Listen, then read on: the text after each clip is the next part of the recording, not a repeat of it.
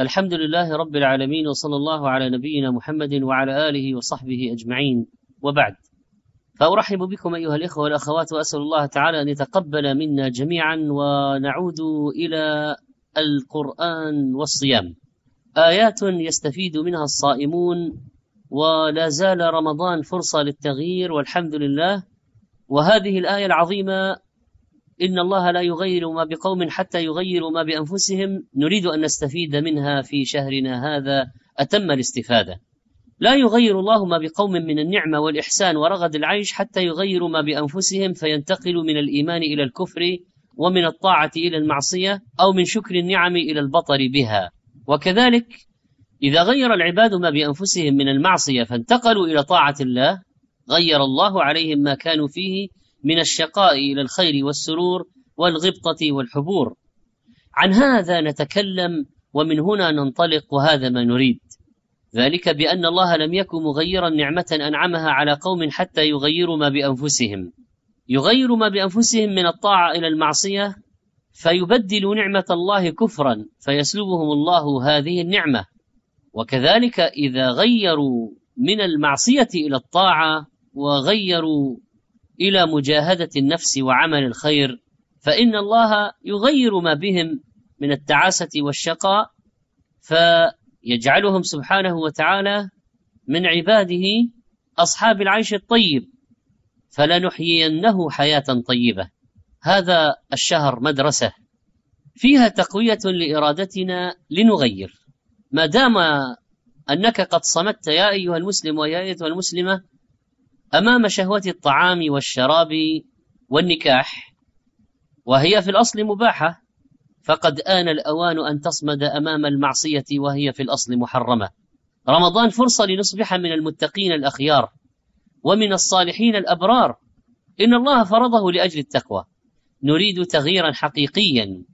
من كان مفرطا في صلاته يسأل الآن عن الصلاة. يقول احدهم في رسالة تركتها ثلاث سنين. وبدأت أصلي الآن. ماذا أفعل فيما مضى؟ نقول حافظ على الفرائض وزد من النوافل واصدق في التوبة ليعوض الله ما فات من نوافلك ويغفر لك ما تقدم من تضييعك في حقه سبحانه. لقد عرفت يا أخي المسلم طريق المسجد وها أنت تصليها جماعة وتعمر بيت الله تعالى بذكره. إنها فرصة للتغيير لتستمر هذه العادة الطيبة بعد رمضان.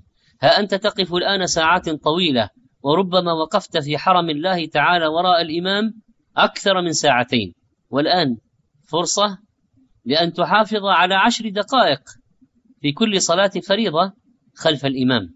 والذين هم على صلاتهم يحافظون أولئك في جنات مكرمون. يا من ابتلي بتعاطي شيء من الحرام لقد صمت الآن عن المباح في الأصل فامتنع عن تعاطي الحرام.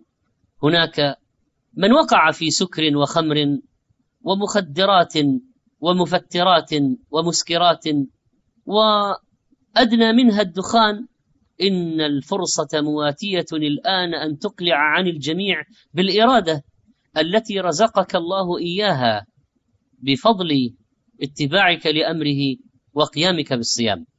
إن الإيمان الآن في أوجه بالنسبة لنا وهذه الفرصة مواتية وعندنا همة وعندنا عزيمة اكتسبناها بالصيام فلنستعن بالله على ترك ما حرم وفعل ما أوجب. وإذا لم نتغير في هذا الشهر فمتى سنتغير؟ والله عز وجل أرانا آيات وقدر أقدارا في هذا الشهر فيضاف إلى أثر الصيام هذه الرقة في عاطفتنا تجاه إخواننا المسلمين ونحن نراهم يتضورون جوعا ويموت من يموت منهم بفعل المجاعة في ذلك البلد الإفريقي وغيره. ونرى أيضا من كتب الله عليهم زلزالا فهدمت بيوتهم وسويت المدن بالأرض وانهدمت المدارس على من فيها من الأطفال. لقد كانت المناظر مأساوية مؤلمة لاستخراج تلك الجثث وما خشي من الأوبئة نتيجة تحلل البقية مما لم يستخرج. أفبعد هذا كله نبقى راتعين في المعاصي؟ بأي وجه أيها الإخوة والأخوات يكون لنا أن نمضي على تقصير ونحن نرى مآسي إخواننا في شهرنا؟ وهل يحق لنا أن نركن إلى معاص أو نشاهد من هذه الموبقات ما نشاهد. وأحوال إخواننا في هذا الشهر تقطع القلوب. عندما ركب ذلك المسلم من أهل البلد في سيارة يقودها أحد الناس الذين تركوا أهاليهم في تلك المنطقة المزلزلة المنكوبة رآه يعتصر ألما ويبكي فسأله ماذا بك؟ قال كل أهلي ماتوا وأخرج خاتما صغيرا قال هذا كنت أريد أن أرسله لابنتي هدية للعيد إنها ذات ثلاث سنين قد أصبحت تحت الأنقاض. عندما نرى مآسي إخواننا فلا بد أن نستحي ونعلم بأن ما يمكن أن يحدث لنا ونحن في عافية من أنواع البلاء كثير. والله يحدث ما يشاء في طرفة عين. أفلا نخشى؟ أأمنتم أن يخسف بكم جانب البر؟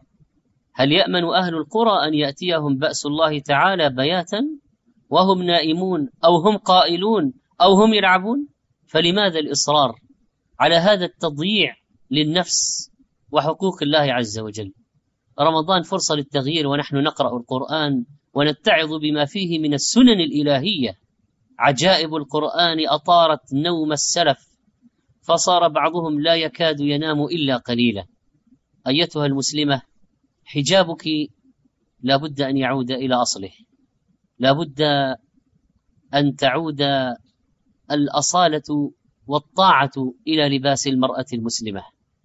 التطريز والفتنة والألوان والعطر الفواح خارج البيت وعند الناس يترك تركا شديدا.